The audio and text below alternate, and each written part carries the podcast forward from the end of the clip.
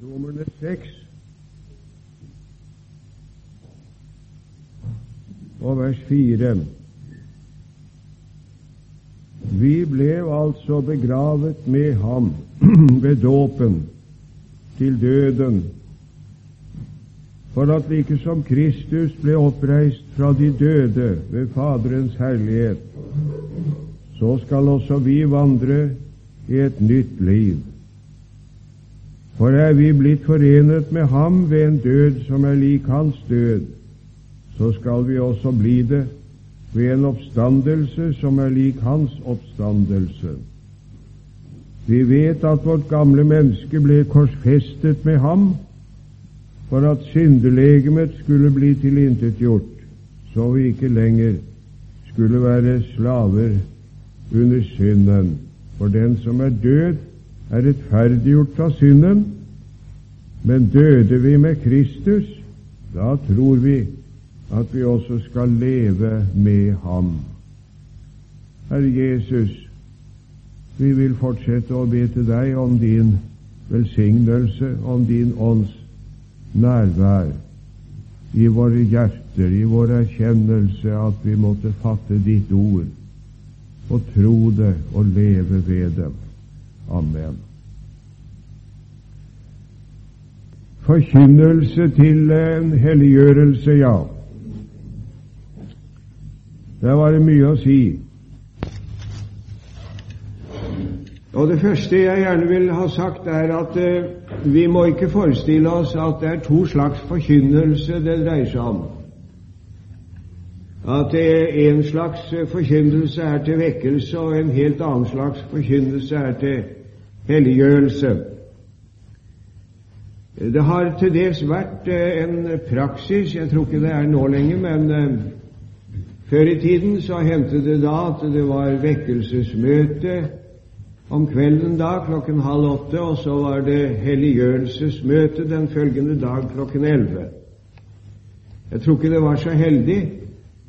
Tanken var god, men eh, det kunne vel komme til å føre tankene i en gal retning allikevel.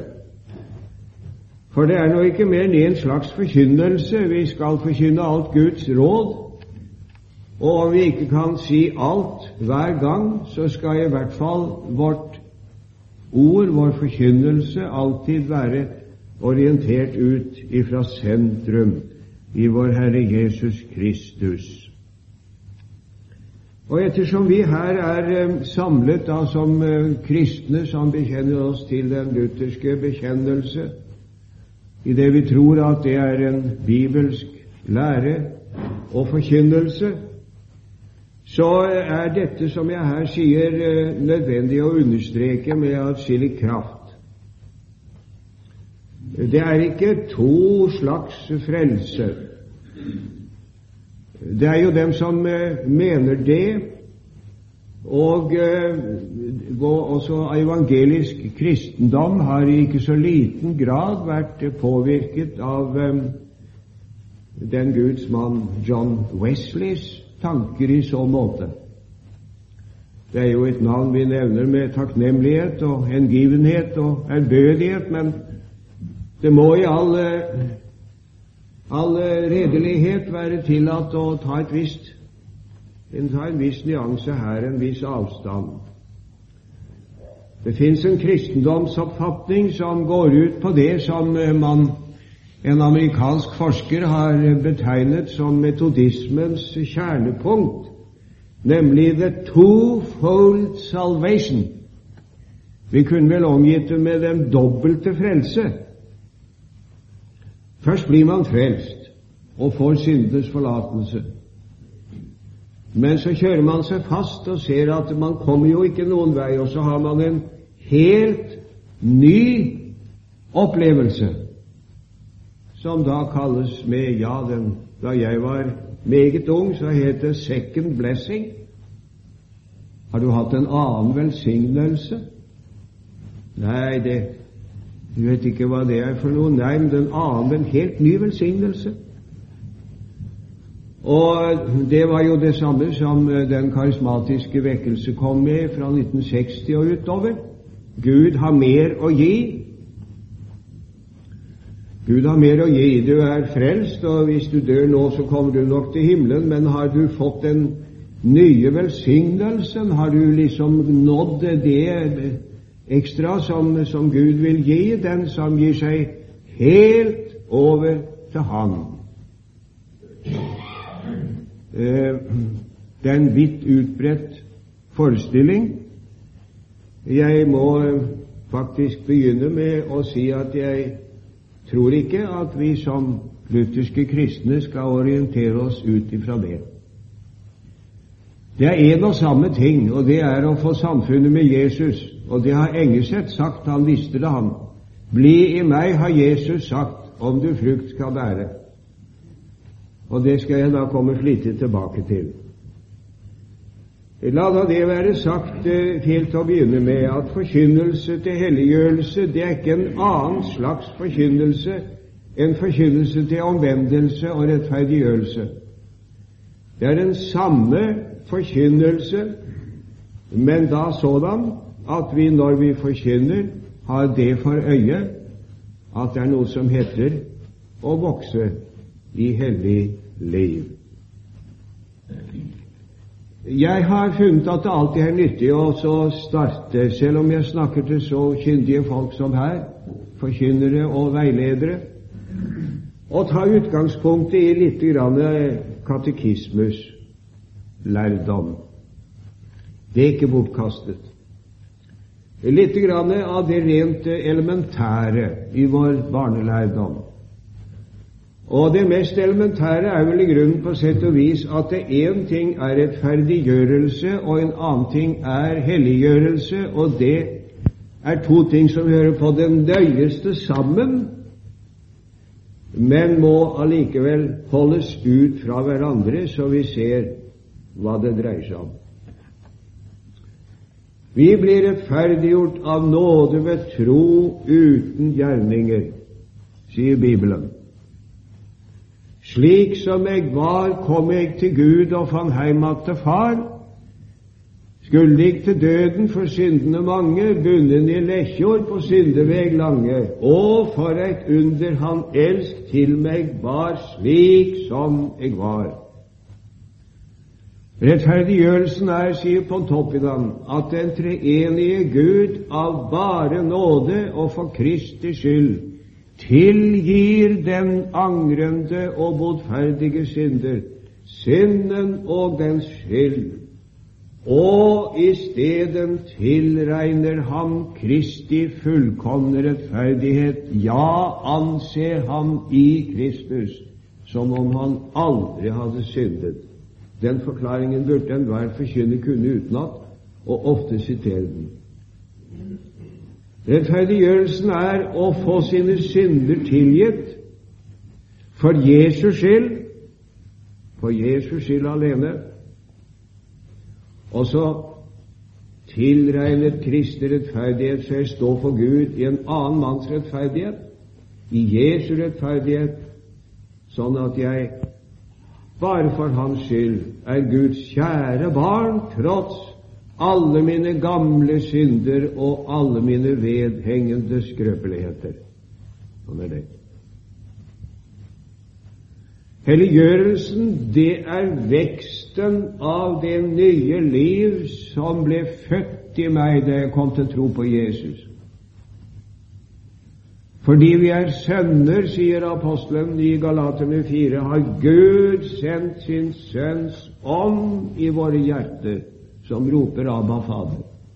Jeg kom som en fortapt synder til Gud, fikk nåde for Jesus skyld, og så fikk jeg Ånden til gave, og det ble født et nytt liv i hjertet. Helliggjørelsen er veksten av dette liv. Og det ene kan ikke være der uten det andre. Det er en og samme sak. Det skjer samtidig. Vi eh, det skjer, det skjer samtidig. Første Korintier 1,30 er et nøkkelord. Kristus er blitt oss visdom fra Gud og rettferdighet og helliggjørelse og forløsning. Da jeg kom til Jesus, så fikk jeg samfunnet med Jesus, og så fikk jeg alt med en gang. Jeg kan ikke ta imot Jesus til rettferdiggjørelse i dag, og så ta imot ham til helliggjørelse kanskje om et halvt år eller syv år eller tolv. Det er, det er ikke råd, det. For når jeg får Jesus, så får jeg ham med alt han er og har. Det skal ikke noe nytt til. Det blir en vekst. Det gjør det om alt er rett. Men eh, det er ikke en ny opplevelse i den forstand at eh, jeg får noe jeg ikke hadde før. Jeg kan ikke ta imot Jesus til rettferdiggjørelse den ene dagen, og så til helliggjørelse i kraft av liksom noe aldeles annet en annen gang. Det går simpelthen ikke an. Eh, det er eh, slik at det hellige liv det flyter ut av troens samfunn med Jesus. Troens samfunn med Jesus. Det var fint vi sang den der enkle sangen til Engeseth her akkurat nå. Bli i meg, har Jesus sagt. Bli i ham med barnlig tro. Bli i meg. Jeg skal komme tilbake til det. Og Når det da gjelder det å, å vokse i helliggjørelse og bli en helliggjort kristen, da er det mye lærdom å hente fra vår kirkes bekjennelse, den augsburgske konfesjon, Augustana, i artikkel 20, hvor akkurat eh, dette blir understreket så veldig sterkt at eh, troen er kilden ved vår Herre Jesus til et hellig liv. Troen er de gode gjerningers, vil si det hellige livs, kilde ved Jesus i Den hellige ånd. Og der sier eh, forkjennelsen noe som jeg tror er viktig. Den sier det at eh, den tar avstand fra det som de kaller for barnaktige og unødvendige gjerninger. Ja, ja, åhå. Hva er det å være en kristen? Eh, hva er det som er det viktigste ved det å leve et kristent liv? Vekk med alle barneaktige og unødvendige gjerninger, sier vår kirkes bekjennelse, så som, så som faster, valfarter, helgendyrkelse, rosenkrans, munkevesen osv. Jeg tror at det er en fare eh, som lurer på oss alle sammen, altså at det å bli en kristen, det, det medfører da et liv som er karakterisert ved et eller annet sånt og spesielt, altså. Som, som, som, som vi har funnet på selv. Åhå, det er mye mye tøys vi har fart med der. Det, det er et merke på at man er en kristen, det er et eller annet sånt noe. Det er noe med ens klededrakt, f.eks. Noe som en ikke skal og ikke må noe som er, noe som, som er galt uten at Guds ord sier det best om det. Oi, jeg kan ikke glemme en, en eh, Jeg var ei ung jente den gangen. Da jeg var ung, i min hjemby Sarpsborg, hadde det de, det var ikke så flust med penger og all verdens ting den gang som det er nå, så vi hadde en stråhatt og og så hadde jeg kjøpt et silkebånd og hadde pyntet den stråhatten sin med et eh, flerfarget uh, silkebånd og syntes den var så fin, og den hadde hun på seg. Den kom på bedehuset og fikk en kraftig overhaling av en av damene da de gikk ut. og det kom sånn verslig. Hun hadde vanskelig for å glemme det. Ja. Og Ludvig Hopa har jo fortalt mer enn én en god gang at eh, da jeg reiste som forkynner, sa han, så, så, så, var det kalde vinteren, og jeg frøs mange ganger forskrekkelig. Men om du hadde stått foran fengselet med meg, sa han, så hadde du ikke fått på meg en frakke, for det, det var verslig. Å ja, barnslige og unyttige gjerninger. Nå tror jeg ikke det er vår største fristelse i dag, verken for oss som er gamle, eller for dem som er ganske unge. Det er vel kanskje det nærmeste motsatte. Nå er det ikke lett å se utenpå en kristen ungdom at de er forskjellige fra andre. Før var det altså. Da kledde man seg annerledes og gikk annerledes og bar seg annerledes. Det gjør jo ikke nå. Det er snarere motsatt. Men se til om ikke det til enhver tid liksom er en eller annen sjargong, altså. Et eller annet spesielt. Det er liksom stammens hyl til merke at her er man. Og det er slik barnlige og unyttige gjerninger. Nei, la oss, la oss tenke oss om. Nei, hva er det vi skal snakke om, da? Hva er det vi skal si når vi skal karakterisere det, det kristne liv? Ja, hva er det? Hvordan merkes det at et menneske er en, en kristen? Ja, da vil jeg sitere en annen av de kjernebøkene som vi har, og det er Luthers store katekismus, som også enhver forkynner burde repetere minst én gang per år. Har du den store katekismen?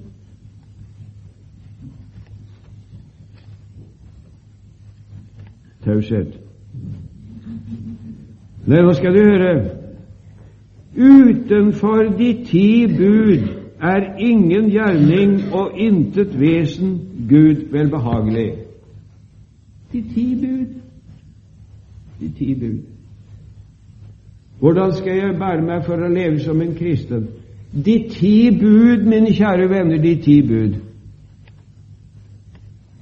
Ikke noe spesielt som vi finner på. Hva er det vi sier når vi skal veilede ungdom? Ja, vi sier en hel del ting som er riktig, naturligvis. Det gjør vi da. Vi sier det at du må komme på møtene, og det må vi jo si, det er riktig, du må høre Guds ord. Ja, det sier vi ikke så.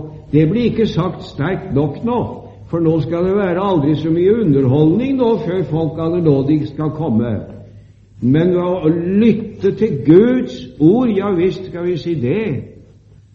Og så skal vi vitne, sier vi til ungdommen. Du må vitne, sier vi. Ja, greit. Og mange ting som er bra og utmerket snakker vi om de ti bud. Snakker vi om de ti bud. Utenfor de ti bud er ingen gjerning og intet vesen Gud velbehagelig. Ja, du husker kanskje sammenhengen hvor Luther snakker om at eh, hvor bakvendt vi tenker. Om en prest står for alteret i en eh, veldig fin messekåpe med både gull og sølv og silke og fløyel, det er veldig hellighet for Gud. Eller at en from legbroder kneler på gulvet i kirken hele natta og ber til Gud. Å, det er et hellig menneske! Men at ei fattig jente passer et sykt barn, nei, det er ikke noe. Men Gud ser det motsatt. Gud ser det akkurat motsatt. Du kan ikke gjøre noe riktigere og noe som er Gud mer velbehagelig enn å holde de ti bud. Og det, det, det, det, skal vi passe på, og, og, det er jo så merkelig når vi ser og leser i Bibelen formaningene som kommer. Gjerne i slutten av Paulus' brev, ja, de andre brevene også. På slutten så kommer det en del, en del formaninger. Og dem, eh, de skal, vi, de skal ikke glemmes. Men hva, hva, er det det går ut på? Hva, hva, er det, hva, er det, de formanes til? Ja, kan du jo lese det selv.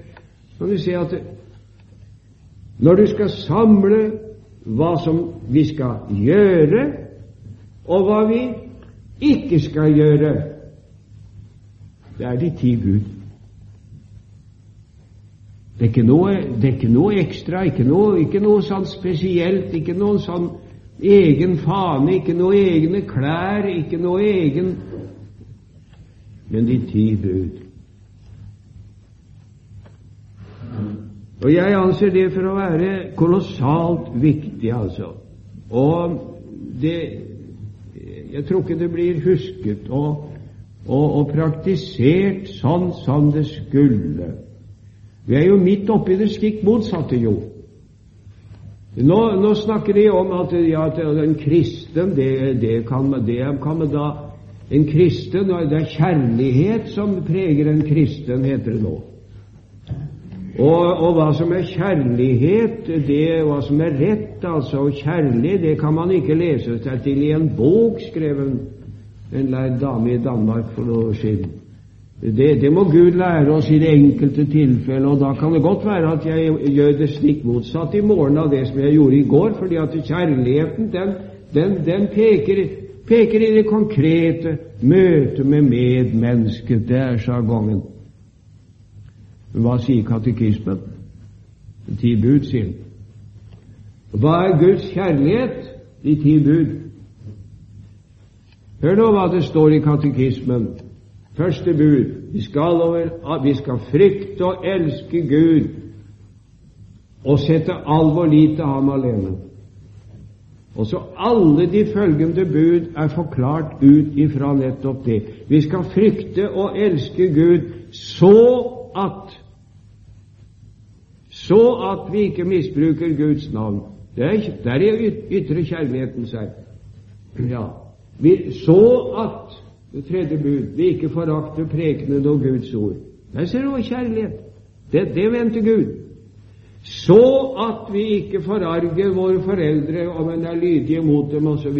Ja, det, ja! Det fjerde bud. Men det er ikke sikkert at det står så høyt i kurs blant den kristne ungdommen.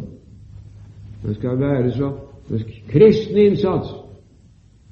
Men det fjerde bud Og sånn er det med alle sammen. Femte bud. Du skal frykte og elske Gud, så du ikke gjør din neste skade på hans liv og helse. Sjette bud. Du skal leve et rent og sedelig liv, og enhver skal elske og ære sin ektemake. Det er kjærlighet til Gud. Ja, så du ikke stjeler og tar annen manns gods, så du ikke lyver og fører falsk vitnesbyrd, så du ikke går med misunnelse. Det det er kjærlighet. Ikke annen slags ting. Men nå, vet du, så heter det jo det at kjære, man kan da være en kristen fordi om man ikke gifter seg. De flytter sammen. De er jo glad i hverandre, jo. De er jo glad i hverandre. Kjærligheten er jo det største av alt. Og når de er glad i hverandre, hvorfor skal de da avslutte presten? Ja, vi skal snakke om det. Det er forkynnelse til helliggjørelse. Det må inn i det konkrete. Eller altså at eh, når de nå er når de nå er anlagt, er det noe de har funnet ut som heter den ekte homofile legning. da De, de er nå er nå blitt slik, de er slik, og da og da det, så, så, så, kan jo ikke være noe galt, det, vel? Det har vi jo både prester og andre kirkelig tilsatte som sier. Det har vi jo nylig til vår forferdelse sett i den største offentlighet. Kristne, homofile, kristne, aktive homofile Nei, det går ikke, det, skjønner du. Kristne gjør ikke sånt. En kristen kan falle i synd, dessverre. Men da må han alvorlig omvende seg og leve til Guds bud ved den kraft Herren gir. Det er forkynnelse til helliggjørelse. Så alle de formaningene Jeg oppfordrer enhver til å lese formaningene i, i brevene i Det nye testamentet og hos Herren Jesus selv. og om, hva som angår vår konkrete livsførsel, så vil du finne det at det har plass under de ti bud alt sammen. Det er så forunderlig alminnelig. Det er ikke noen forskrifter om, om, mange rare ting som vi har funnet på, men det er uh, å gjøre det Gud vil, og det har Han sagt hva det er Han vil. Eh, videre eh, så blir det jo da spørsmålet om eh, hvordan vi kan makte det. For en forkyndelse som har sikte på helliggjørelsen, må jo også ha noe å si om den kraft og nåde som vi trenger for å kunne leve et hellig liv. Og da må jeg igjen si at uh, nøkkelen her, den ligger ikke i uh, å vise til en uh, ekstra omvendelse som liksom flytter oss opp i noe vi ikke hadde før. Det hører vi jo nå fra så mange hold, men det kan jeg ikke finne er riktig.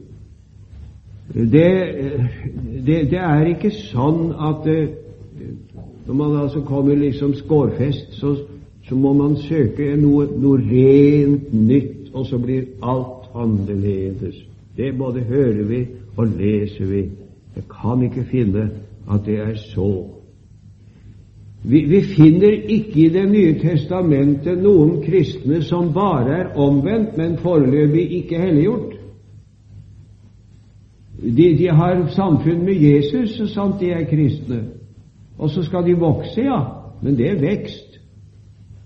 Og ikke noe aldeles nytt som de ikke hadde før.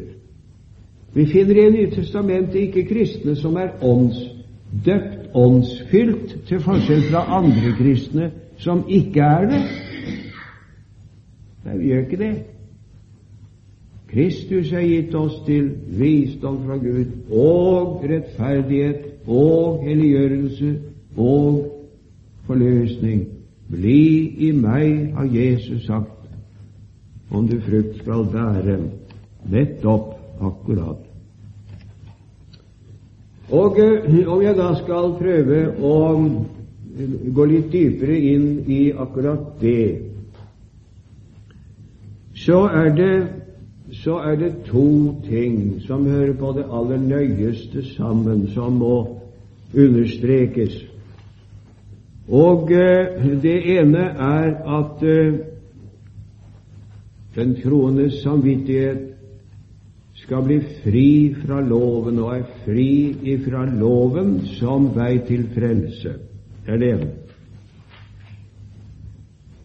Og det andre, det er at hans kjød hans gamle menneske, skal være bundet til Guds lov og vilje. Det må jeg si noe mer om for å forklare.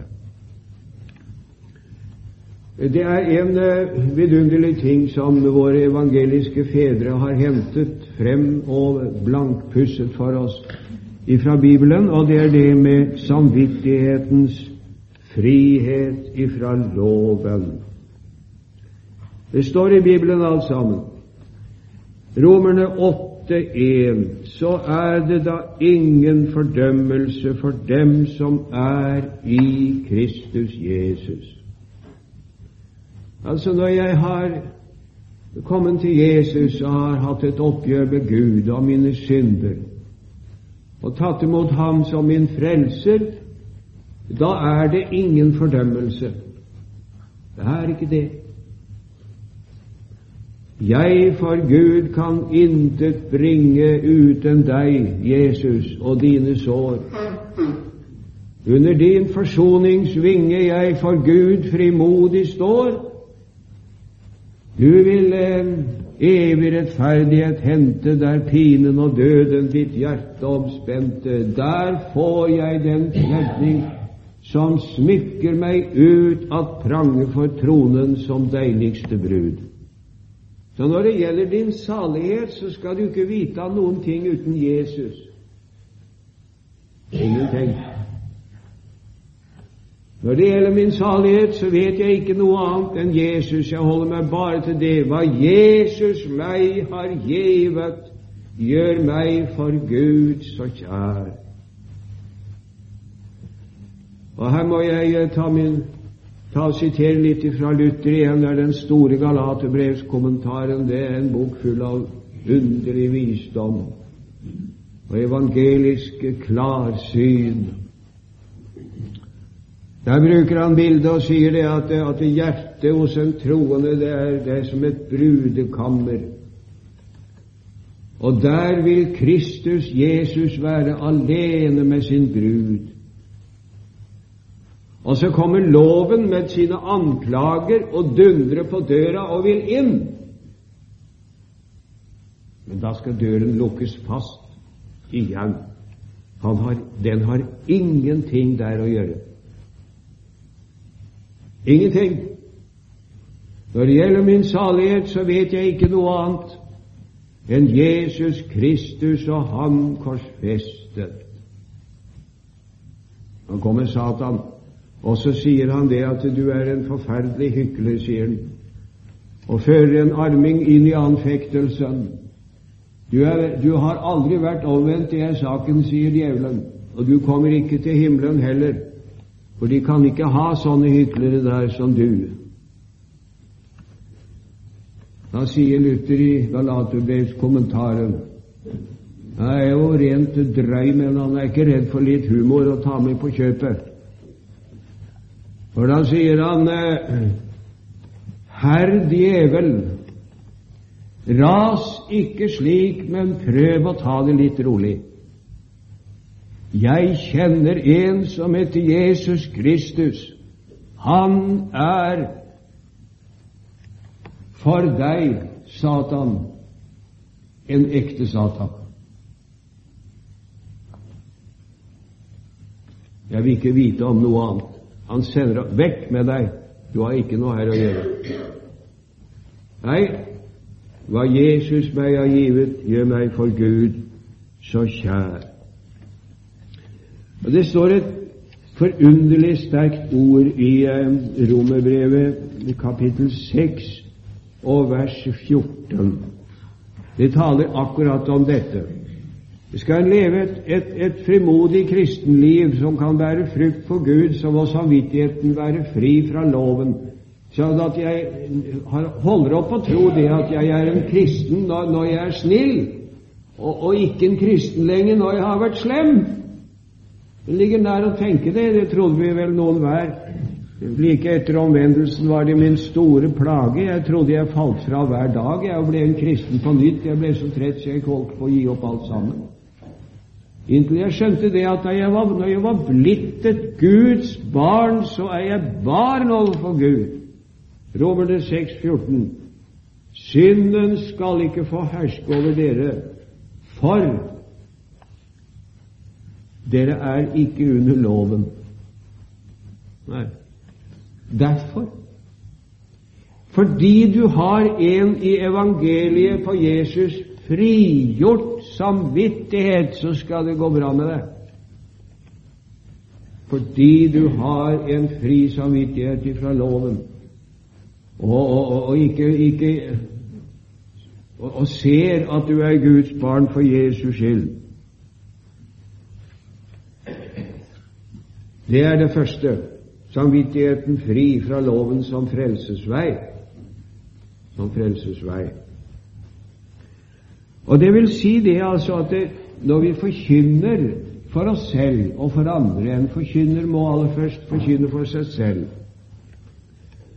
Da skal vi, da skal vi være klar over én ting at en dømt samvittighet er ingen kraftkilde.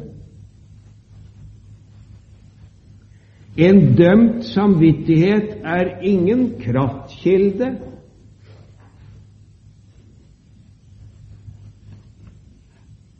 Derfor skal forkynnelsen ikke drive og skjelle på de troende.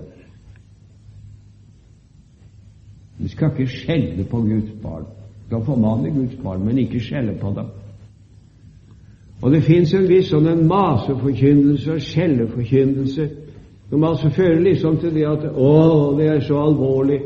'Å, det ble så' Og det er farlig òg, for det religiøse mennesket har ikke det minste imot å få litt juling når han bare slipper å omvende seg.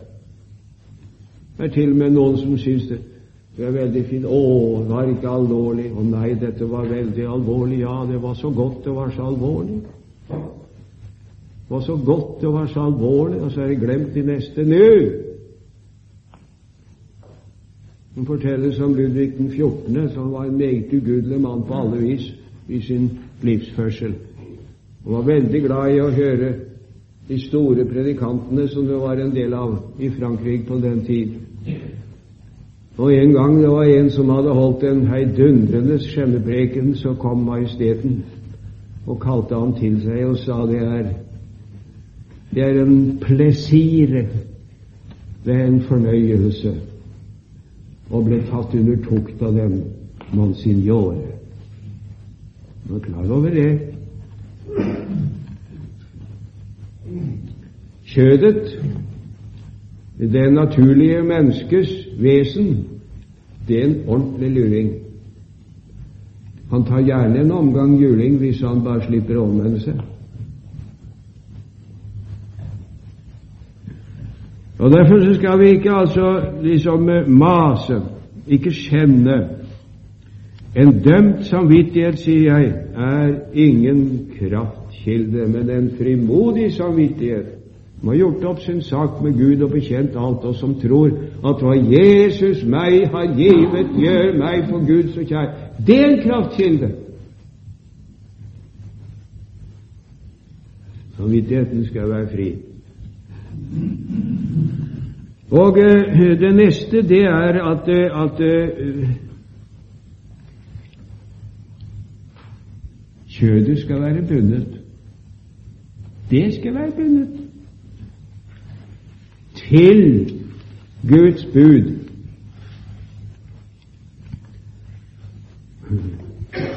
Og det vil mer konkret si det altså at når det gjelder mitt forhold til Gud, så skal jeg ha det sånn når alt er vel, at jeg får lov å tro jeg er Guds barn for Jesus skyld alene. Det er evangeliet. Det er fritt, det er fritt, det er fritt.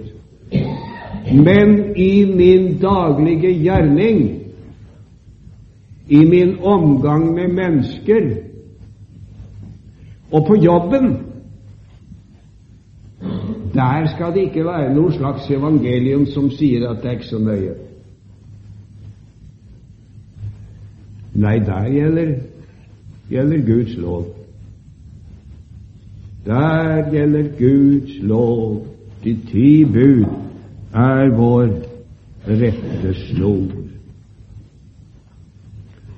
Og dette er dette forunderlige den forunderlige dobbelthet som en kristen står i, samtidig rettferdig og en synder, sa våre fedre som hadde mer syn på dette og, og forståelse enn vi har, for vi er flate og overfladiske. Og det visste Kingo. Aldri er jeg uten våde, aldri dog foruten nåde. Alltid har jeg sukk og ved, alltid kan jeg Jesus se. Alltid trykke mine synder, alltid Jesus hjelp til synder. Alltid er jeg støtt i tvang, alltid er jeg full av sang. Så er sorg til glede lenket, så er drikken meg i skjenket. Søtt og beskt i livets skål, sådan er mitt levnets mål nu i fall og nu i sede, nu i frykt, nu sterk og rede, ofte full av stor uro, alltid full av Jesu tro. Så er sorg til glede lenket, så er drikken meg iskjenket, ja. Og så denne bønn til slutt i Gingos merkelige salme. Akk, men Jesus, jeg vil bede, hjelp du til at troens glede fremfor synd og sorger alltid må overvekten få. Og Derfor gjelder det altså til å kunne leve et hellig liv at det, vel hvis jeg merker det med meg selv, og det gjør jeg så visst ofte, at mitt liv er ikke som det skulle være for en kristen. Det står tilbake i helliggjørelse. Hva da? Ja, da Ja, hva da? Skal jeg fare et eller annet sted hen hvor de tilbyr meg en ny, merkelig opplevelse som du aldri har hørt om før? Skal jeg det?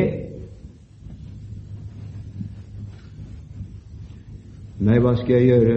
Da skal jeg si til meg selv Du lever ikke i det fortrolige samfunn med din Herre og Frelser som du skulle. Det er saken.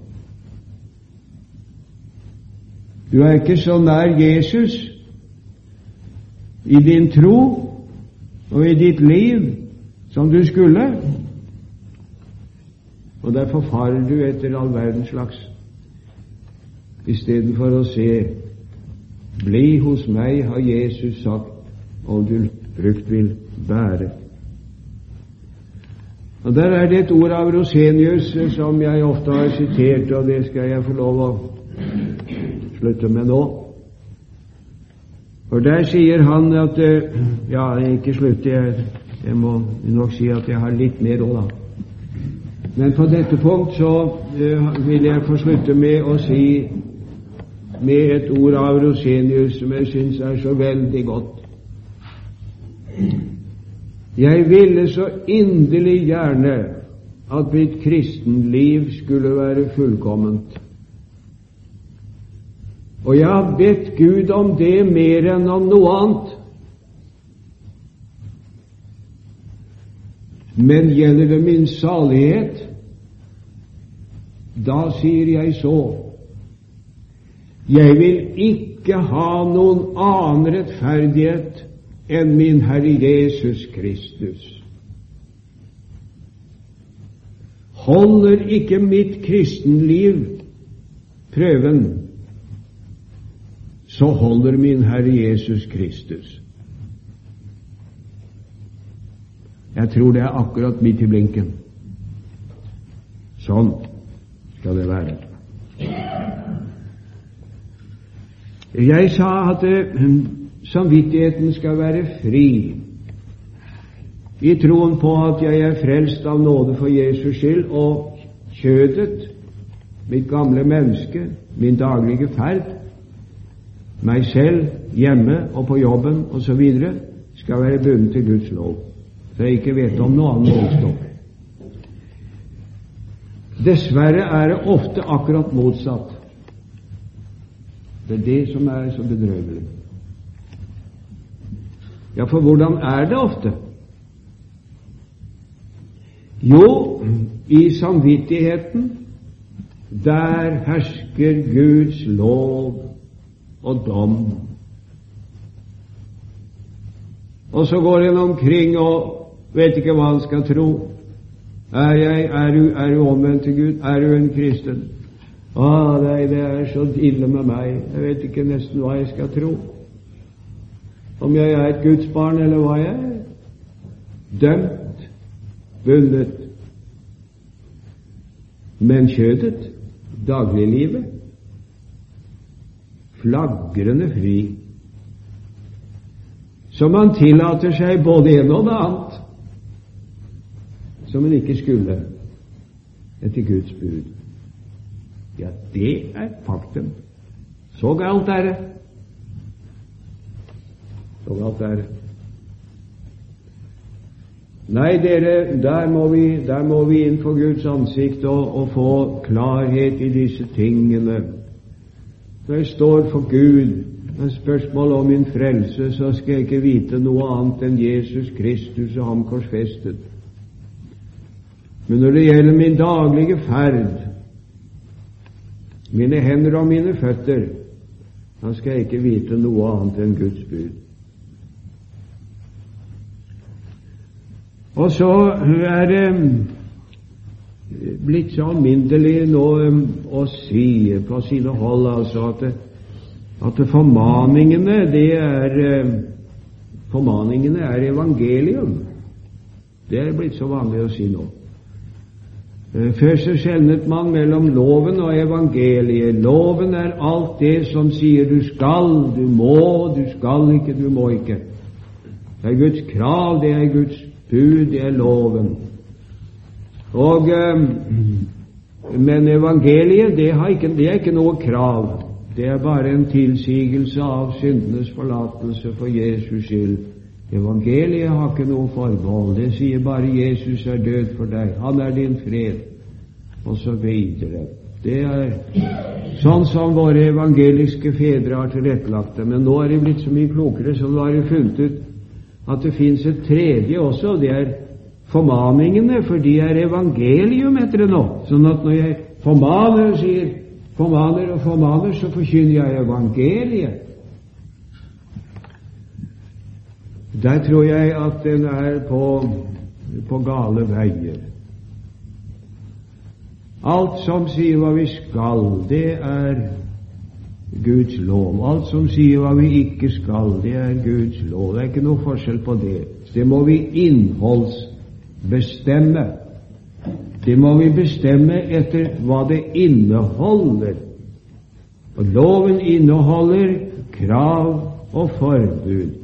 Evangeliet inneholder bare nåde. Ja, men er det ikke forskjell da? Det kan da være en styrke i det å forkynne. Ja, hvis du har et troende hjerte. Da hvis du har et troende hjerte. Forskjellen ligger ikke i, forma, i, i formaningene, sier det lutherske skrift Concordieformelen, men det ligger i oss for så vidt som en er omvendt eller gjenfødt. Quatenus renatus på latin, for dem som kan det. Der ligger forskjellen. Noen er gjenfødt og har fått et nytt hjerte, og man da hører formaningene så, så er det en hjelp i det og en støtte i det. Men eh, når man sier altså at formaningene er evangelium, så kan den misforståelse ligge veldig nær at når man da står og formaner, og formaner og formaner, så forkynner man evangeliet. Nei. Evangeliet i egentlig mening har du ikke forkynt hvis du ikke taler om Jesus og Hans kors og Hans død for våre synder og Hans rettferdighet oss tilegnet ved troen. Og det er det vi skal forkynne. Utrettelig forkynne ordet om korset, ordet om Hans rettferdighet, ordet om den nåde som utsletter alt, om Jesu Guds Sønns blod som renser ifra all synd. Og Gud gi oss nåde til å makte det. Ja, Herre Jesus, vi får sukke til deg om din veiledning, om din kraft, om din dype nåde. Herre, vil du høre det. Amen.